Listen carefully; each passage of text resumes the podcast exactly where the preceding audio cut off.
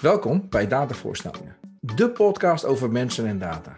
Waarbij we ons focussen op visualiseren, presenteren en het argumenteren met data. Niet zozeer op de technologie die daarvoor nodig is, maar vooral op wat mensen ermee doen, of beter nog, wat ze ermee zouden kunnen doen. Een goede dag luisteraars, hier zijn we weer met datavoorstellingen en vandaag spreken we met Linda. En uh, Ben en ik kennen Linda al een tijdje en uh, al meerdere keren met haar gesproken. En komt altijd over als een zeer sociaal en prettig persoon. En het verbaast ons dus helemaal niet dat ze een achtergrond heeft in sociologie. Dus ze heeft sociologie gestudeerd. Daar gaan we het zeker nog over hebben. Maar natuurlijk zit er ook een paradox in. We hebben ook nog wel iets gevonden waarvan we denken, hoe kan dat nou? Iemand die zo sociaal is. En wat doet ze? Ze werkt al heel wat jaartjes bij de rekenkamer. Misschien voor haar niet een paradox, maar voor mij wel. Weet je? Een sociaal persoon en dan toch een beetje ja, een beetje, een beetje serieuze hè, rekenkamer waar ze allerlei uh, verantwoordingsonderzoeken doen en uh, controleren of de overheid zijn uh, uitgaven en inkomsten al op orde heeft. Um, dus nou goed, daar willen we natuurlijk alles over weten. En vandaag willen we dus alles weten over die paradox en natuurlijk over Linda zelf. Dus nou ja, Linda, laten we maar weer eens beginnen. Wie is Linda? Ja, mooie vraag om te beginnen. Ach jee, waar... Linda. Ja, dat is wel eigenlijk een hele filosofische vraag wie Linda is. Um, nou, ik, uh, Linda Meijer dus, werk inderdaad bij de Algemene Rekenkamer in Den Haag um, al uh, bijna 13 jaar. Ik schrik soms ervan. Um, maar het is gewoon leuk, dus ik uh, blijf er lekker hangen. En ik heb inderdaad sociologie gestudeerd. En um, ja, persoonlijk, ik ben uh, uh, 40 geworden vorig jaar. Twee zonen. Um, en uh, woon in Koudekerk aan de Rijn. Um, en uh, ik, uh, oh, ik ben heel sociaal blijkbaar, als ik jullie moet geloven. Dus en ik, uh, wat ik, hoort, toch? Wat zei je? Het is niet de eerste keer dat je dit hoort. Nou, nee, nou ja, niet op die manier. Ik heb altijd wel het idee, mensen zijn, uh, reageren aardig terug. Dus ik denk dat dat uh, wel uh, goed zit dan. En um, ja, ik, ik zit ook in het bestuur van het Infographic Congres. Dat is misschien leuk om, om te vertellen ook. Daarnaast en naast rekenkamer. En daarnaast ben ik ook sinds kort, geef ik gastlessen, lessen op de Willem de Koning Academie. Uh, waar ik ook een master heb gedaan, uh, ontwerpend onderzoek, design research. En daar geef ik het, het vak, dat klinkt heel schools, maar uh, in ieder geval de module visual storytelling. nou, daar zijn jullie ook volgens mij helemaal fan van. Um, en daarnaast, naast werkdingen, doe ik volleybal ik heel graag. En uh, we hadden het uh, net al heel even over dat je online dus niet kunt zien hoe lang iedereen is. Ik ben niet lang, ik ben geen 1,90 meter of zo, gewoon 1,70. Ik ben de spelverdeler, hè, dus dan mag je wat kleiner zijn. Dus, ja, ja, ja. Dus dat is Ik stel voor sommige anderen, die zich dan 1,50 noemen, maar ondertussen wat langer zijn. Hè? Ja, ja, dat soort mensen. Oh, ja? ja. Heb je die ook? ja, nee. Hey, interessant, leuke, Lino, ook alle leuke haakjes van, uh, waar we over, over kunnen doorgaan in het gesprek. Um, en, en, natuurlijk dat laatste stuk is heel interessant. Maar laten we nog even terug aan in de ja. tijd. En, je even, en dan, uh, nou, dan ga je naar de VWO in Lisse. Ja, naar het Fioretti College. Ja. Dat lijkt me een hartstikke leuke tijd. Ja. En dan zit je natuurlijk daar in, in al die klassen, met, met al je klasgenootjes. Had jij een vaste plek in de klas? Och, die blik die je nu had, ja, helaas kunnen de luisteraars niet zien, maar oh, daar ging deze vraag om. Deze goed. leuke... ja, wat een leuke vraag. Geen idee. Nee, dat weet ik echt niet meer. Zat je vooraan, uh, zat je achteraan? Ja, nou, wij hadden gewoon per, um, per les, per uh, vak, had je wel vaste plekken. Dat klopt, ja. Maar niet één vaste plek, maar je had per... Uh, want we gingen gewoon uh, van lokaal naar lokaal voor, om de leraar uh, op te zoeken, zou ik maar zeggen. Dus je mm -hmm. ging... ik weet niet of dat nog steeds zo is, of dat de leraren naar jou toe komen. Maar um, dan had je inderdaad elke, elke klas wel een vaste plek. Want je had ook verschillende klassen vanwege dat vakkenpakket en zo. En, en ik, had, ik had vier talen. ik weet niet of jullie dat hebben gevonden. Ik had vier talen. En uh, wiskunde A, geschiedenis en biologie, volgens mij. En, uh, en elke klas een andere, andere plek. Okay. En ik zat graag. Um, ah, daar komt hij aan. Ja, ja. Bij het raam. Ja, toch ja, wel. Ja, een beetje achterin bij het raam. Ja, dat ja. ik naar buiten kon staren. Ja, ja. beetje lucht happen. Ja. ja. ja oké. Hartstikke leuk. Nou, goed, dus het is, is een mooi, uh, mooi begin. Heb jij de, de volgende, Michel? Ja, ja, volgens mij, want uh, ja. de, de, na het VWO ging je volgens mij naar de Haagse Hogeschool, als ik het uh, ja. goed heb gezien. En, uh, en ging je sociaal werk studeren, als ik het goed heb. En dan vroeg ik me af, hè, ja, wat was de reden dat je daar naartoe ging? Dus, want je hebt natuurlijk, zit je op VWO, nou je kunt alle kanten op. Ja. vier talen, dus ik zou bijna zeggen, waarom geen talen? En, en dan toch sociaal werk op de Haagse Hogeschool. Ja, ja ik heb um, best wel, ik heb onwijs lang lopen twijfelen wat ik ging doen, uh, wat ik wilde gaan doen. En um, uh, ik moet zeggen, ik was ook best wel onzeker van wat ik, wat ik kon. Ik dacht, oeh, universiteit, dat is wel heel spannend. Um, mijn ouders zijn, uh, hebben niet gestudeerd, dus die konden daar ook niet echt in adviseren hoe dat dan zou zijn. En die wilden vooral dat ik gewoon iets koos wat ik echt leuk vond. Um, toen heb ik, dat hebben jullie denk ik niet gevonden. Ik heb eerst nog een, een half jaar voeding en diëtetiek gedaan. Um, dus om diëtiste te worden. Uh, en uh, dat, uh, dat, dat was hem niet. Dus dan ben ik na een half jaar ben ik gestopt. was niet echt mijn my cup of tea. En toen ben ik sociaal werk gaan doen. Eigenlijk was ik voor de universiteit bang om, om een verstofte onderzoeker te worden. dus ik bij de rekenkamer oh, terecht uiteindelijk kom je er toch wel terecht. Want ik ja, dacht, nee, ja. dan, moet, dan, moet je alleen maar in boeken kijken en cijfertjes. En nee, dat ga ik niet doen. Dus ik wilde echt de praktijk in. En, uh, en uh, uh, ik was toen best wel bezig met jongerenwerk in die tijd. Heel veel met een jongerencentrum. Vond ik heel leuk en ik dacht, dat ga ik gewoon doen. En eigenlijk heeft het HBO mij echt gebracht om veel meer uh, nou, zekerder van mezelf eigenlijk te worden en, uh, en, en uh, echt te ontdekken wat, ik, wat ik kon. het was een ontzettend leuke tijd, heel divers ook. Culturele maatschappelijke vorming heet het.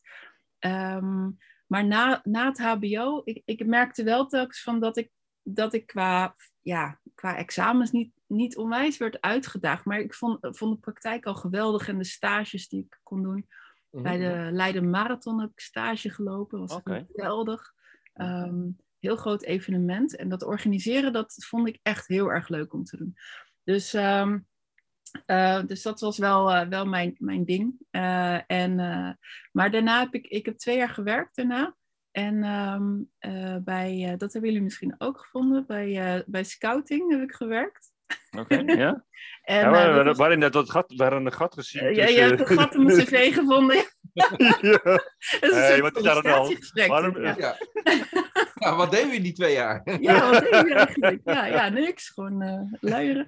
Um, nee, het was erg leuk bij echt vrijwilligerswerk. Hè. Die kant op, dat was, vond ik ontzettend leuk om, uh, om te doen. Uh, en, um, en daar heb ik ook heel veel geleerd. En um, toen um, dacht ik van, nou, ik wil toch verder gaan studeren. En toen ben ik sociologie gaan doen. En je kon dan een master, een pre-master master doen. Dus dat was twee jaar. En uh, dat was heel leuk met een, met een uh, klas van elf ongeveer, die allemaal pre-master master deden. En dan deed je in, uh, in één jaar deed je drie jaar bachelor sociologie, omdat je al een bachelor had. En dan kon je daarna door naar de gewone master instroom. Mm -hmm. Vraagstukken voor beleid en organisatie. En dat vond ik eigenlijk ontzettend leuk. Dus echt wel de, de onderzoeks, uh, de bestuurskundige kant. Uh, van suffe boeken en dat soort dingen bedoel je? Echt suffe boeken en papier en theorie en zo. Dus ik, ik vond het geweldig. Het voelde echt, ja. sky is the limit. Ik werd er echt uitgedaagd. En nee, vond ik ontzettend leuk. Um, dus dat was eigenlijk heel grappig dat ik uiteindelijk toch onderzoeker ben geworden. Ja. Maar even, even, Linda, want je gaat nu heel hard, hè? We ja. gaan van, van scouting en jongerenwerker ja, ja. naar beleid en organisatie. Yes. Uh, kun jij dat voor ons even aan elkaar knopen? Want ik, uh, ik ben hem even kwijt. Ja, wat ik, wat ik heel erg merkte tijdens uh, de studie en de stages van het HBO, was dat ik meer, ja, dat noem je eerste lijns en tweede lijns. Dus je hebt eerste lijns, dan sta je echt nou, in het veld en werk je rechtstreeks met de mensen die dan waar je bijvoorbeeld dingen voor organiseert of begeleiding nodig hebben of wat, welk vak je ook hebt. Um, en de tweede lijn is veel meer de beleidskant. En dat vond ik eigenlijk ontzettend leuk. En uh, leuker dan de eerste lijns. Dus het was niet heel raar om daarna die stap naar uh, sociologie, dan vraagstukken van beleid en organisatie te maken. Uh, maar daarna naar onderzoek. Dus dan zit je nog verder aan de achterkant. Was wel misschien een interessante. en dat is eigenlijk ja, on- ontstaan door mijn afstudeerstage bij, bij de master van sociologie.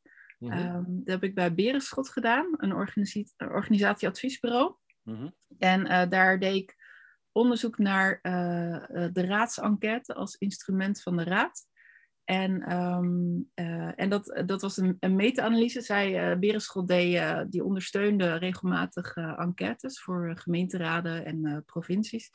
Provinciale staten. En die wilde dat gewoon eens op een rijtje zetten. Wat komt er nou uit? Een soort rode draden daaruit. Uh, vond ik ontzettend interessant. Echt, echt die bestuurskunde kant op. Um, dus zo ging het eigenlijk van kwaad tot erger als je het bekijkt als iemand die niet onderzoekt kan worden. steeds meer het boek in. die kant op, ja. ja. Dus, dus nee, dat, dat ging eigenlijk heel geleidelijk. Daar is, zat geen plan achter. Nee. Okay. Nee. Nee, want want uh, wij, uh, wij, wij verbaasden ons, hè, laten we zeggen, op een afstandje naar kijken. Van oké, okay, dan ga je van sociologie en dan wordt je eerste functie in 2007 wordt auditor. Ja. En toen ja. werd het heel lang stil bij ons. Ja. Waar hebben wij een afslag gemist? Maar goed, uh, ja, ik denk dat die afslag een beetje in, dat, in die afstudeerstage zit. Want de raadsenquête is een instrument van de raad, net als eigenlijk ja, audit of rekenkameronderzoek. Ja, de rekenkamer is ook een instrument van de raad. Uh, okay. en, of van de Tweede Kamer of van de Provinciale Staten. En daar, dat dualisme, dat vond ik wel altijd heel interessant. Dus daar zat wel een integriteit. En, dus ik zat heel erg in die hoek uh, te zoeken en te verkennen wat daar gebeurde. En toen ik uh, klaar was bij Berenschot, bij, met afstuderen, dus masterthesis was goed. Toen kwam er een vacature op, me, op mijn pad bij de Randstedelijke Rekenkamer. Ja. En daar ben ik toen uh, begonnen. En dat was, uh, dat was mijn stap richting ja, auditor. Maar in, in auditland heb je ook heel veel uh, varianten natuurlijk. En ik zat dan meer in de ja, performance audit, dus doelmatigheid en doeltreffendheidsonderzoek. En je hebt natuurlijk ook de meer compliance audit, meer de, de bedrijfsvoeringsonderzoek ja. audits. En je hebt de financial audits. En uh, al die smaken. En ik zit dan vooral met sociologie en beleidsonderzoek zit je vooral aan de performance kant eigenlijk. Uh, wat bedoel je dan met performance kant? Ja, dus precies. Hoe, ja, dus hoe, hoe presteert de overheid? Hè? Dus de echte prestaties. Hebben ze de doelen bereikt, gerealiseerd oh, okay. zoals ze wilden? Wat komt eruit? Wat, wat komt eruit? En doen ze de goede dingen? En uh, dan is de rechtmatigheid, is, do, doen ze de dingen goed? Dus de doelmatigheid en doeltreffendheid is veel meer die eerste vraag doen ze ja. de goede dingen. Oké. Okay. En de tweede vraag gaat over meer de accountantsvraag. Hè? Doen ze de dingen goed uh, volgens de wet? En, uh, ja, en daar ben ik minder mee bezig. Ja. Okay. Dus, uh, heb je weer wat geleerd over? Ja, oh, ja zeker. Ja. Ja, want we komen natuurlijk nu heel langzaam, maken we de stap tussen de suffe boeken en natuurlijk het super gave vak van, uh, van visual designer. Ja. En, en want dan ga je natuurlijk daarmee aan, aan de slag. Uh, en, uh, en, ga je natuurlijk ook, wat je uh, zei, je master in de Wilde Koning doen. Ja. Hoe, want, want dan zit je in die boeken en hoe denk je dan, ja, ik moet het gewoon wat leuker maken of begrijpelijker maken of duidelijker maken of wat, weet Ja. je, wat gebeurt er dan? Ja. ja, nou ik moet zeggen, de eerste vijf jaar, ik ben na de Randstedelijke Rekenkamer bij de Algemene Rekenkamer gaan werken. Randstedelijk was provinciaal en toen algemeen is dan dus uh, voor rijksniveau. En um, de eerste vijf jaar bij de Algemene Rekenkamer heb ik gewoon echt onderzoek leren doen. En uh, dat is inderdaad documentanalyse en interviews. En de interviews vond, vond ik echt geweldig. En dat klinkt saai, maar het is ontzettend leuk. Nou, jullie doen ook een interview, dus je weet hoe leuk het is als je mensen spreekt die helemaal in hun onderwerp zitten. Ja. En um, dat, dat maakt de energie komt vanzelf uh, los. En uh, ondanks dat je auditor bent en komt controleren, zijn die gesprekken kun je gewoon heel leuk doen. Um, en, Hoe is dat uh, met die zweterige gaantjes? Want ik kan me voorstellen, er komt een auditor langs. Ja. ik, ja, ik heb een ja, afspraak dat- met een auditor. Aha. Aha, Oké. Ja, nee, dat, dat is niet dat de rode loper uitgaat of zo hoor. Dat, eh, nee, nee, dat is niet. eh, maar eigenlijk, ja, als je het uitlegt, en, en heel vaak de mensen die ik sprak, die, die vonden het ook, ja, dat noem je dan de gecontroleerde in de, in de saaie termen. Ehm, maar, maar die vonden het eigenlijk, ehm, als je een goede gesprek hebt en ook echt vraagt van wat zou nou de toegevoegde waarde voor jou zijn voor de, van dit onderzoek dan, en daar iets mee doet, dan kun je alleen maar ja, toegevoegde waarde krijgen en, en um, uh, daarin in meegaan in plaats van alleen maar tegen, tegen ingaan. Ehm, en ik denk dat dat zo'n spiegel voorhouden is nooit leuk natuurlijk. Dat is voor niemand leuk. Uh, het is, het is, dat blijft. Maar je hebt, ja, en dat is echt zo'n misschien zo'n dooddoener, maar uh, zacht op de relatie, hard op de inhoud. Dat kan natuurlijk prima. Je kan in een heel goed gesprek een heel pittig onderwerp uh, bespreken. Hoe dat beter kan. En um, ja, ik heb zelden meegemaakt dat dat, dat, dat tot onwijze weerstand ging leiden of zo. Dus. Ja, en dat komt gewoon omdat ik ontzettend sociaal ben, denk ik. daar is hij weer. Ja, nee. en ik ben gewoon echt geïnteresseerd. Ik vind het echt heel interessant hoe, wat, wat er in zo'n beleidsveld gebeurt. En ik probeer me echt in te leven um, in hoe dat dan gaat.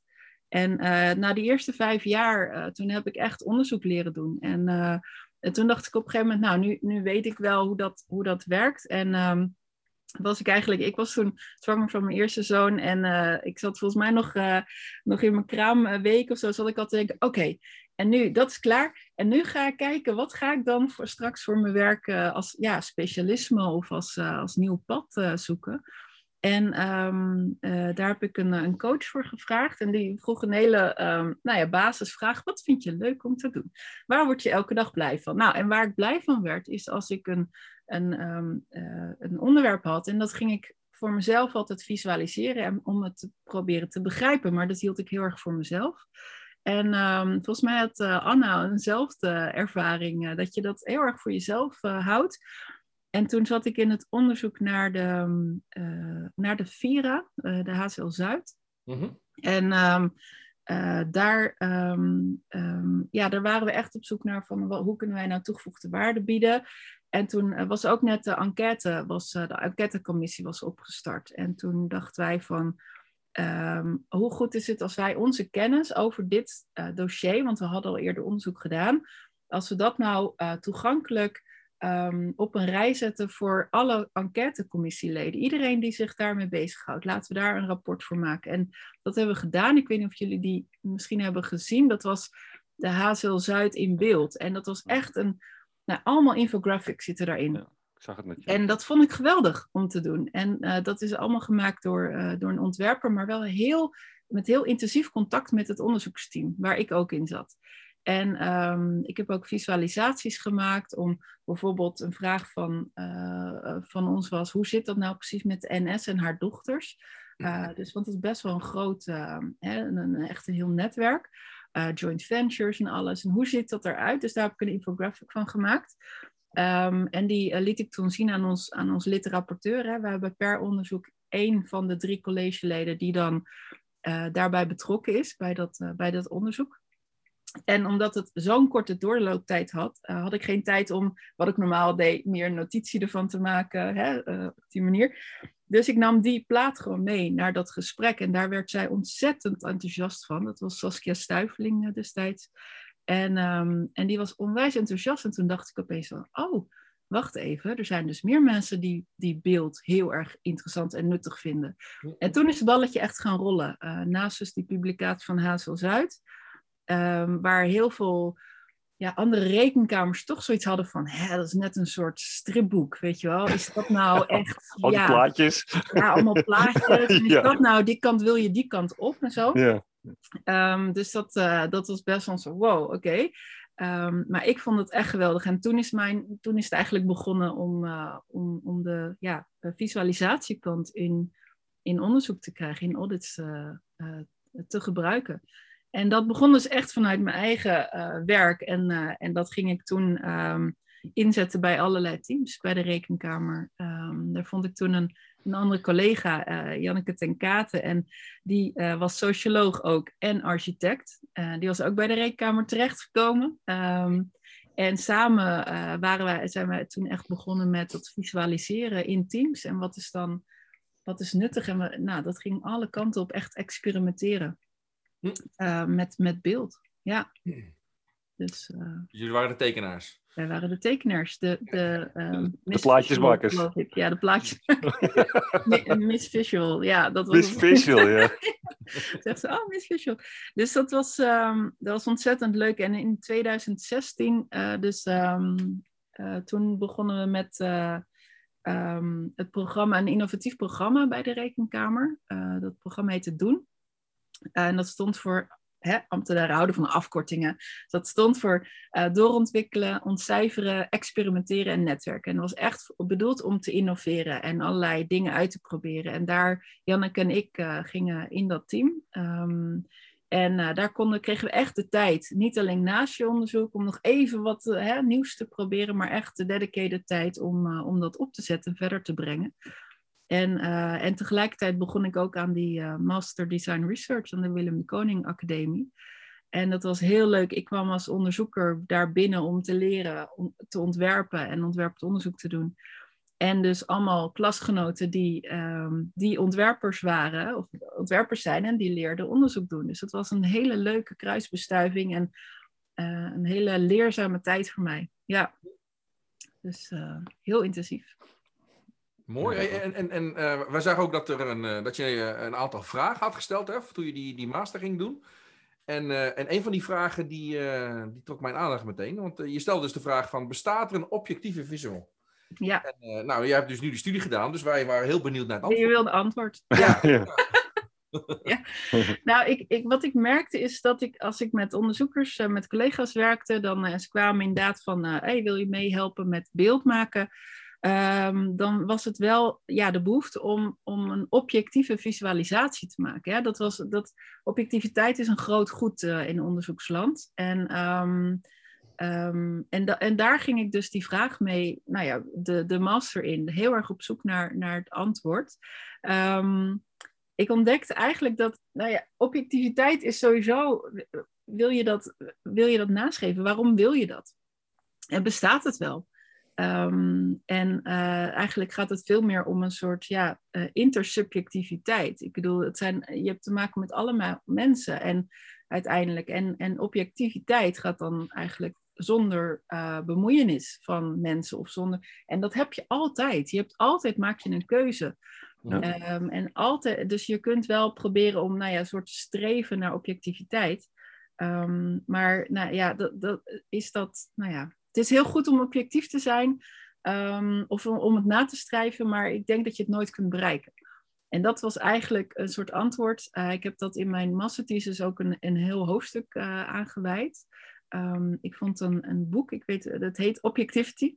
Uh, ik weet even niet meer de, de schrijvers, maar die, um, die beschreven eigenlijk dat er een soort in, de, in de afgelopen nou, 200 jaar zijn er echt ontwikkelingen in gemaakt. Dus je uh, begon eerst met een, een bepaald type uh, wetenschapsvisualisatie. En dat, dat ging om, um, nou ja, bijvoorbeeld over planten en, en, en, natuur, om dat te visualiseren. En dat, dat was eigenlijk niet een objectieve visualisatie, maar was puur bedoeld om nou ja, die kennis te delen. En dat, en dat ging eigenlijk om de meest ideale versie van die plant. Eh, puur zodat biologen bijvoorbeeld dat konden herkennen in als ze die tegenkwamen. Uh, dus dat gaat helemaal niet. Is dat dan objectief? Nee, nee, dat, ja, het is wel wetenschap, maar het is geen, het is geen objectieve visualisatie. En toen kwam op een gegeven moment, uh, werd, de, werd fotografie uitgevonden en um, konden ze bijvoorbeeld um, sneeuwvlokken fotograferen. En toen ontdekte van elke, elke sneeuwvlok is anders. Uh, dus wat is dan de objectieve visualisatie? Um, die bestaat niet uh, dan. Of nou ja, dit is dan, deze unieke foto is dan uh, op dit moment de sneeuwvlok. Maar dat kan ook, dat is niet dat er één visualisatie voor sneeuwvlok is. Um, en op een gegeven moment is er ook een tijd geweest dat ze gewoon niet gingen visualiseren. Want ze zei, de wetenschap zei van ja, maar dat kan niet objectief, dus dan gebruiken we ook geen beeld. Dat is ook een tijd geweest. Um, en op een gegeven moment heb je ook ja, de trained judgment. Dus dan maak ik bijvoorbeeld röntgenfoto's en als je dan uh, daarop opmerkingen maakt of notaties. Ik ben aan het tekenen, maar dat kan niemand zien natuurlijk. Uh, maar je, je maakt in die uh, visual maak je notaties, tekeningen, waarbij je iets wil highlighten. dat zou dan hè, een nieuwe wetenschapsvisualisatie zijn. Um, en toen, ja, dat gaat dan veel meer over de expert die dan zijn verhaal vertelt op, uh, in, uh, vanuit beeld. En, um, en ik vond ja, het, het, ontzettend, het is echt een heel taai, dik boek, waar ik niet naartoe wilde ooit. nee, uh, maar, er, maar, er, zaten ontzettende interessante um, insights, inzichten in voor mij om antwoord te vinden op die vraag. En ik had zoiets, oké, hoe zou ik dat dan moeten gebruiken, dat beeld bij de rekenkamer, als ik objectief beeld wil? Als ik bijvoorbeeld een bedrijfsvoeringsonderzoek doe, betekent dat dan dat ik foto's zou moeten maken van de plek waar uh, de, de beleidsmedewerker zit. Maar dat is dan een unieke beleidsmedewerker, net als de, de sneeuwvlokken. Zou ik daar dan. Dus ik, ik zat er echt over na te denken. En toen dacht ik, volgens mij is dat helemaal niet waar je naartoe wil. Je wil gewoon een um, je wil gewoon infographics en daar zit een deel subjectiviteit in. Maar zolang je maar visueel integer bent en de data niet anders laat zien dan hè, dat je daar manipuleert of zo, um, dan denk ik dat je toch wel een heel stuk richting objectiviteit gaat. En, en heb ik besloten dat het gaat om visuele integriteit en niet om objectief beeld. Oké. Heel lang verhaal, maar er zit heel veel achter dat antwoord. Ja. Nou, maar wat het mooie hiervan is, hè, is dat uh, ik heb met enige regelmaat gesprekken met mensen over dit onderwerp. En dan, vooral als je kijkt naar data, hè, dan valt het woord feit al heel snel. Ja. Uh, want als we, we kunnen misschien de visueel misschien wel zo objectief mogelijk maken. Maar is de data wel objectief? Hè? Want ook daar zijn natuurlijk allerlei keuzes Zeker. gemaakt. Ja. En vooral, wat zie ik niet? Hè? Ik bedoel, dat is Ja. misschien wel de, de meest gangbare manier om op verkeerd Ja. gezet te worden. Ja. Ja. En voor Absoluut. mij, wat ik altijd wel een, nou, ik weet niet of ik het een aardig voorbeeld vind, maar wel een goed voorbeeld vind, is eh, de hele discussie over klimaat. Hè? Wie is nou de schuld? Mhm. Zijn wij dat of eh, is het gewoon normaal gedrag? Dat beide kampen gebruiken dezelfde bronnen, Ja. en toch slaan ze elkaar om de oren. En Ja. dat komt vooral omdat ja, als je dingen weglaat, als je alleen maar een stukje kiest, dan krijg je een heel ander beeld. Ja, nou, en, en dat vind ik dus lastig bij, bij data. Dat, dat wordt soms als harder gezien, Ja. eh, als feitelijker. Terwijl dat is ook niet waar. Dat, dat, dat eh, heb ik bij sociologie. eh, ik heb eh, nou ooit wiskunde gedaan. Dat was zo, zo zwaar voor mij. Maar statistiek tijdens sociologie, nou, dat vond ik geweldig. Dus ik ben echt een data lover wat dat betreft. Maar ik weet ook hoe, hoe beperkt het is. Het zijn ook keuzes. Eh, hoezo is dat objectief? Dat is ook Ja. subjectief. Tuurlijk, eh, hè, als je gewoon uitlegt welke keuzes je hebt gemaakt, prima. Maar ook daarin moet je keuzes maken als jij, als jij kwantitatief onderzoek doet. Ehm, en ik denk dat, ehm, eh, dat, dat er, is niks objectief, denk ik dan. En eh, ik denk wel dat je gewoon moet zorgen dat je in ieder geval integer bent in, in je bedoelingen om eh, hè, de data in de, in de dialoog te gooien. En daar een goed gesprek over aan te gaan. Maar je moet ja, nooit denken dat je echt de waarheid hebt. Dat is gewoon, het is allemaal mensenwerk. En of dat Ja. nou een interview is, of dat dat een eh, dataset is. En dan hebben ze het over, ja, maar als je hoe meer en hoe groter, hoe Ja, representatiever. Er zijn ook allemaal berekeningen voor. Maar uiteindelijk gaat het toch om die operationalisering van hoe wil jij meten wat je, wat je wil onderzoeken. En daar maak je keuzes in. En, ehm, en eh, de, de data is niet harder. Nee, dat, eh, daar wil ik echt eh, dat mensen daarvan afgaan. Ah Ja, goed, dat is ook wel een, heb je een mooie stap. Want je stelde ook de vraag van, eh, ja, wat maakt nou een visual goed? Ja. Ben je dan, dan daar ook achter gekomen? Want ja, je vertelde natuurlijk al een beetje over regels, maar nee, Ja. zegt ze. nee, dankjewel. Volgende Ja. Gaan we door. ja, Maar wat heb je daar, wat heb je, laat ik het anders stellen, wat heb je daarover gevonden dan? Ja, nou, goede visualisatie. ehm, ik denk dat dat een aantal kenmerken heeft. En ik vind dat Dave McCandless daar hele mooie handvatten voor biedt. Hè? Dus die, eh, die heeft die, eh, eh, de kenmerken van een successful visual opgeschreven. Die kennen jullie vast wel uit Information is Beautiful, dat boek. Ja, ja, het boek. Dat is ja. zo'n soort Venn-diagram die hij dan neerzet. En nou, supergoed.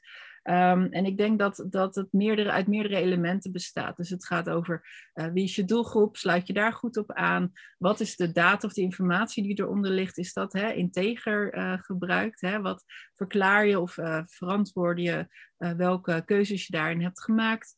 Um, gaat het, ja, laat je het goed zien? Dat manipuleren waar je het net over had, Michel, dat is ook echt een hele belangrijke.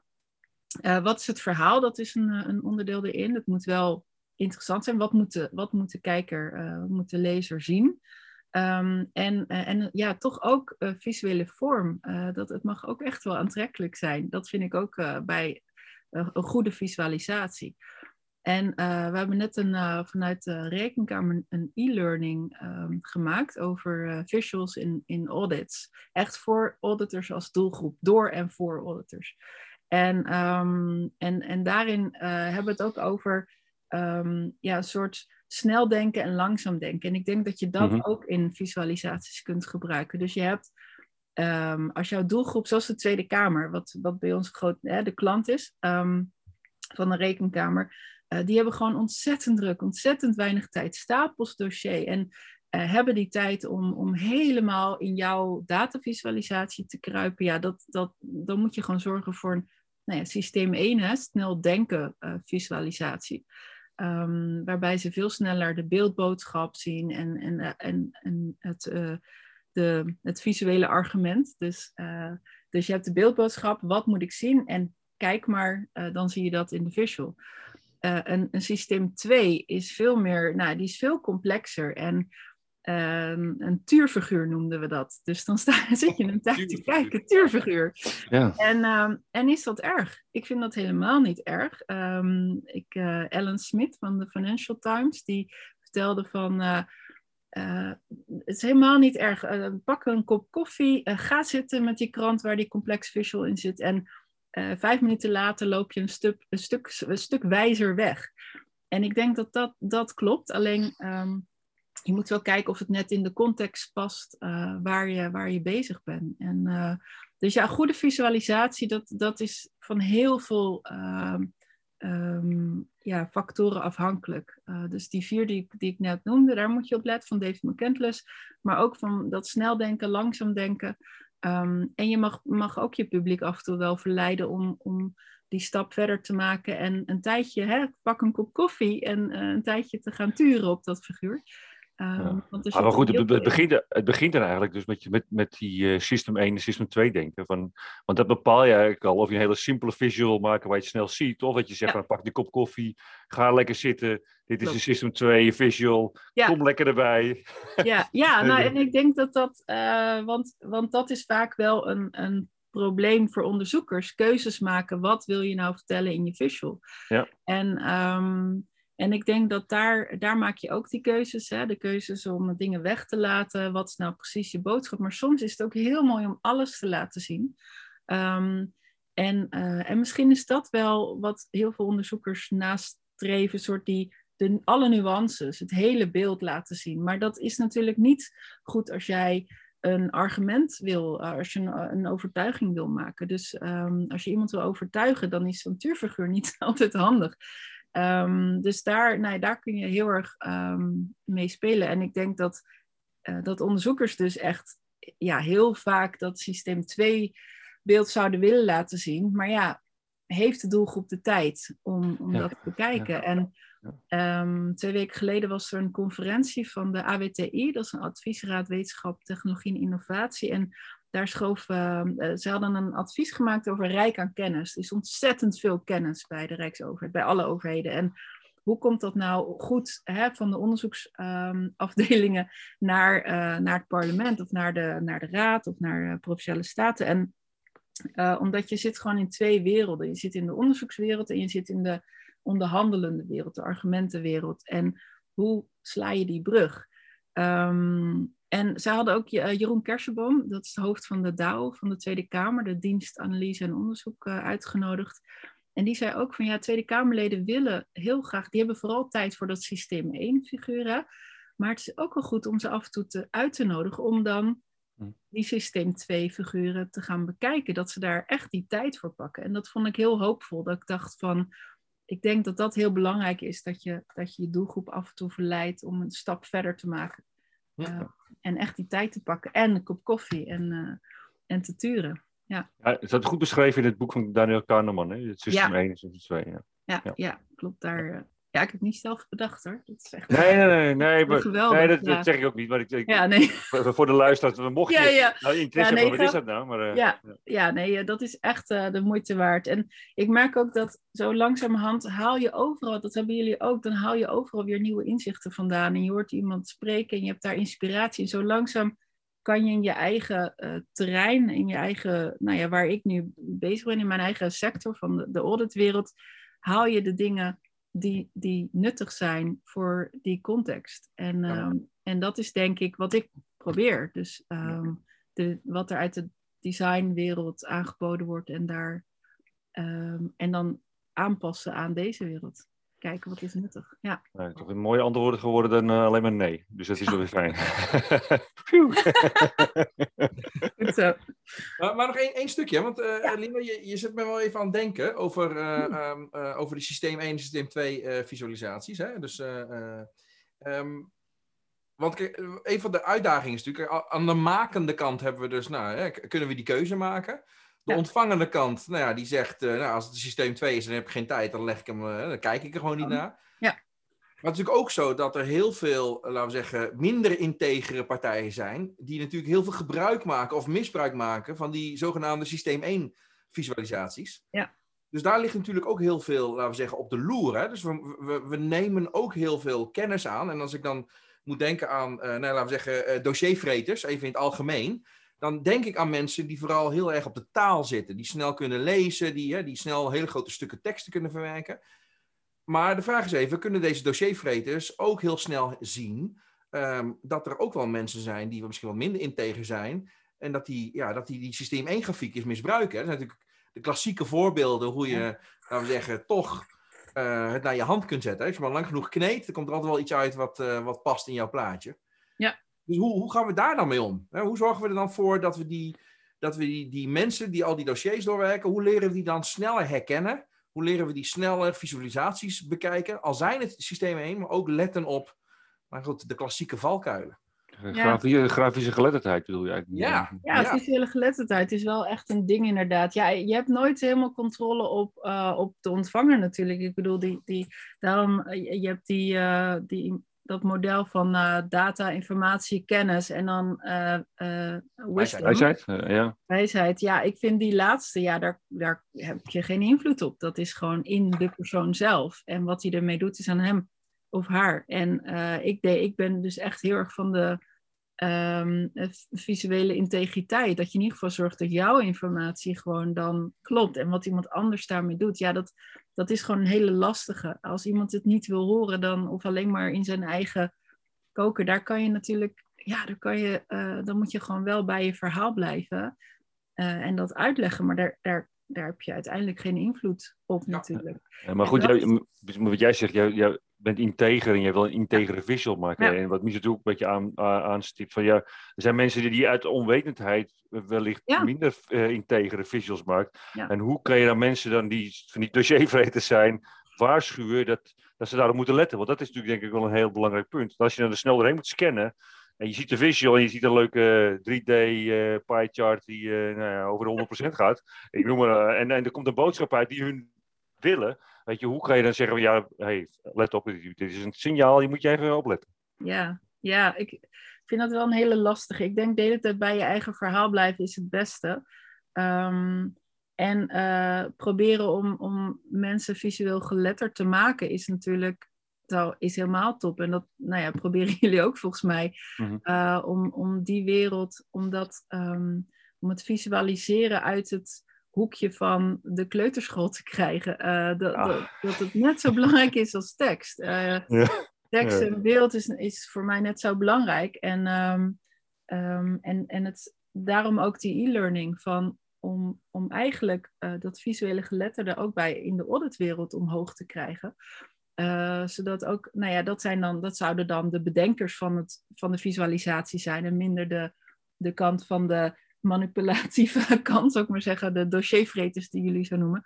Ik denk dat, um, dat als jij zelf bewuster bent van beeld en hoe krachtig dat kan zijn, en waar je dus op moet letten om te zorgen dat jouw boodschap ook uh, echt uh, goed overkomt, uh, dan, dan zal dat minder gebeuren. Maar dat begint wel bij, bij, begint bij jezelf. Um, en om daar echt die aandacht voor, voor te ja. krijgen en te vragen. En dat is met die e-learning proberen we dat. Kijk, visualiseren. Ik ben ontwerponderzoeker en een van de manieren, uh, een van mijn tools is visualiseren, maken, tastbaar maken en onderzoeken. Hè? Dus onderzoek doen vanuit de ontwerperskant. Uh, en um, dan is visualiseren een van de uh, manieren. En niet, dan gaat het dus niet om beeld als doel, maar beeld als middel. En uh, ik denk dat we dat als, als, als onderzoekers nou veel meer dat beeld als tijdens een onderzoek al gaan inzetten. En uh, om een nou ja, gedeeld beeld te krijgen in het team. Uh, om, ga, maar eens, ga maar eens proberen om het woord rechtmatigheid te tekenen. En dan zie je gewoon dat iedereen op een andere, ander beeld uitkomt. En waar zitten dan die verschillen? En begrijpen elkaar nou wel goed? En nou, dat gaat over dat, waar we het net over hadden, dat operationaliseren. Hè? Meet je wat je wil meten. Ja. Maar als je niet eens weet wat precies dat begrip inhoudt, uh, of je denkt dat je dat weet, omdat je allemaal dezelfde boeken hebt gelezen. Ja, precies. Ja, ja, ja, uh, maar als je het gaat visualiseren, wordt het opeens heel helder dat je dat eigenlijk niet allemaal op dezelfde manier uh, bekijkt of in je hoofd hebt. Ja. Dat zijn hele mooie manieren om, denk ik, um, dat visuele geletterdheid te stimuleren um, bij iedereen. maar ook onderzoekers, hè, mijn, mijn, mijn kant. Ja.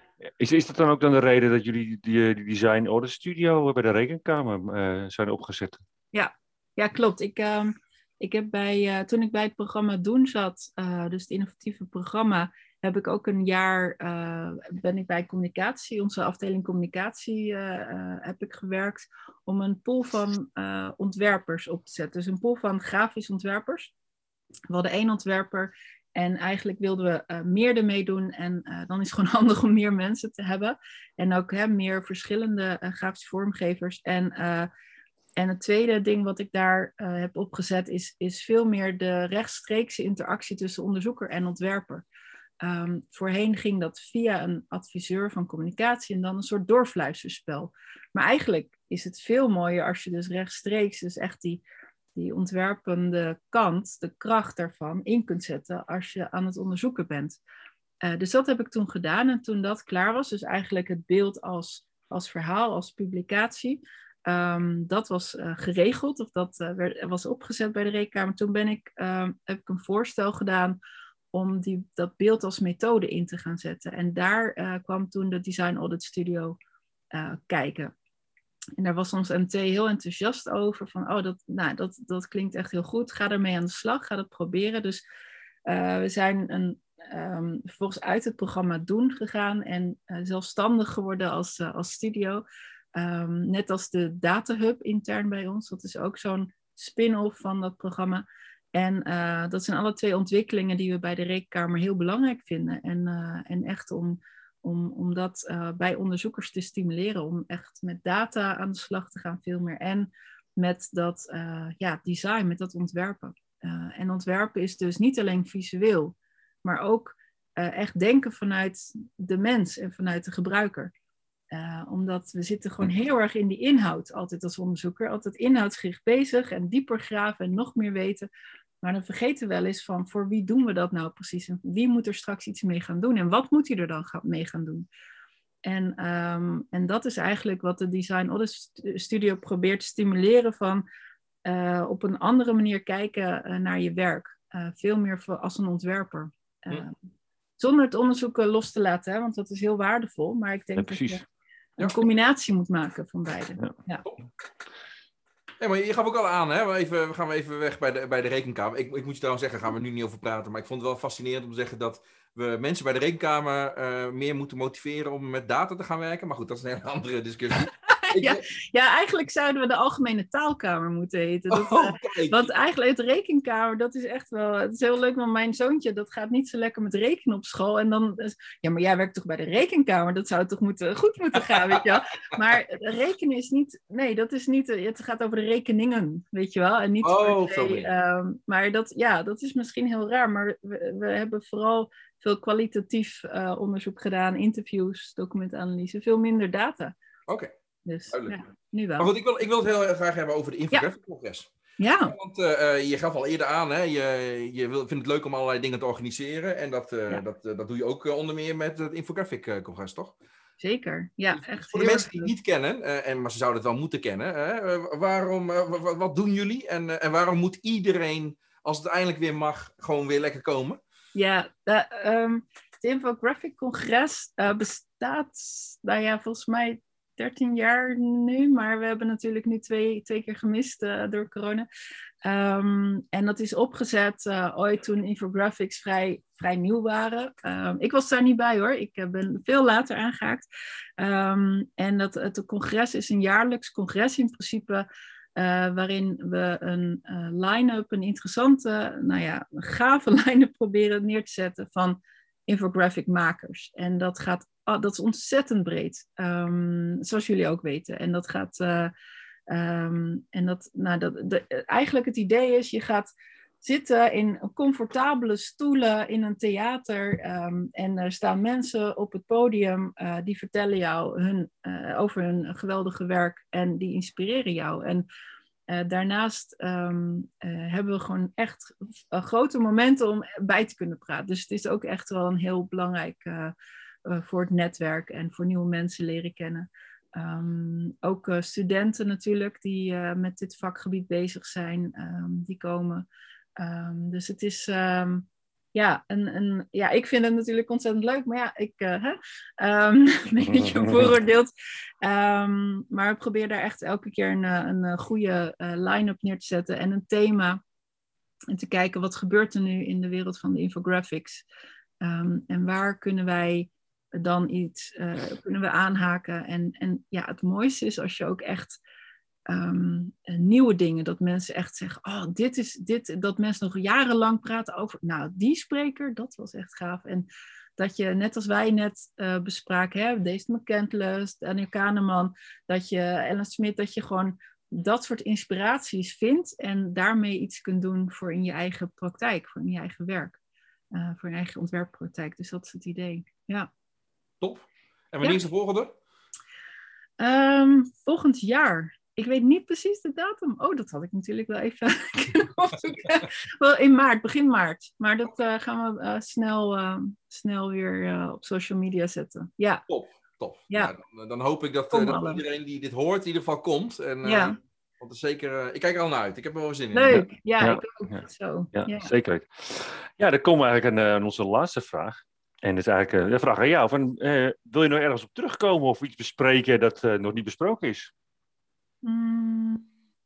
Nou, ik denk dat, dat het belangrijk is om te weten dat, uh, ik heb het wel gezegd, maar um, hè, beeld als methode is, is echt wel een hele interessante hoek, uh, ontwerpend onderzoek. Dus het gaat niet alleen over, heb jij de visual die viral gaat, maar ook heel erg over uh, wat het in jouw onderzoekswerk doet, kan doen. En, um, en dat is ook met de Design Audit Studio, dat we echt proberen om, om de onderzoekswereld en de ontwerpwereld samen te brengen. En daar zitten hele krachtige elementen in, in beide werelden. En als je die samenbrengt, dan, nou, wereldvrede uiteindelijk.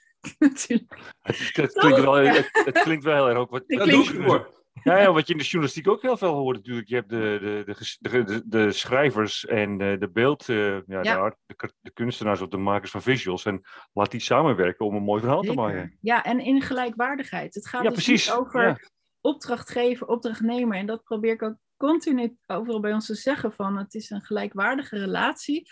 Um, we komen uit, hè, uit andere achtergronden, maar, um, maar als je dus uh, uh, evenveel in te brengen hebt uh, in het uiteindelijk, wat het uiteindelijk moet worden, dan komen er hele mooie dingen uit. Ja. En ik denk dat dat heel belangrijk is, dat, het, dat we in de journalistiek of in de onderzoekswereld afgaan van, oh, de grafisch vormgever of de ontwerper, dat is een opdrachtnemer.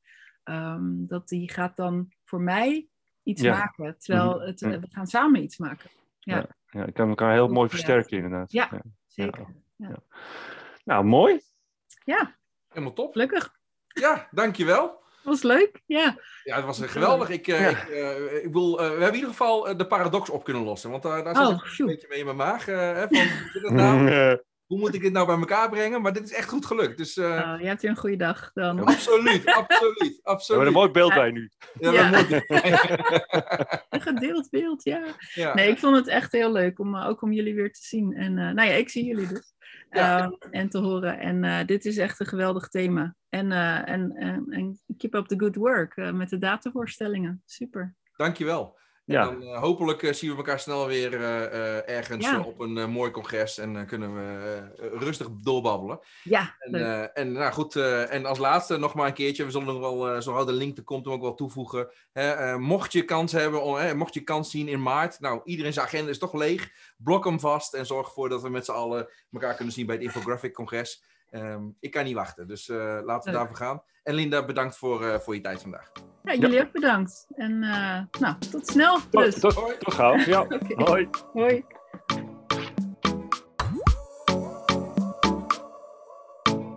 Bedankt voor het luisteren naar deze aflevering van Datavoorstellingen. Als je het interessant vond, abonneer je dan op onze podcast. Dan blijf je altijd op de hoogte als er weer een nieuwe aflevering online staat. Heb je vragen of suggesties? Stuur ons dan een mail. Onze mailadressen staan bij de toelichting van deze aflevering. Nogmaals bedankt voor het luisteren en tot de volgende keer.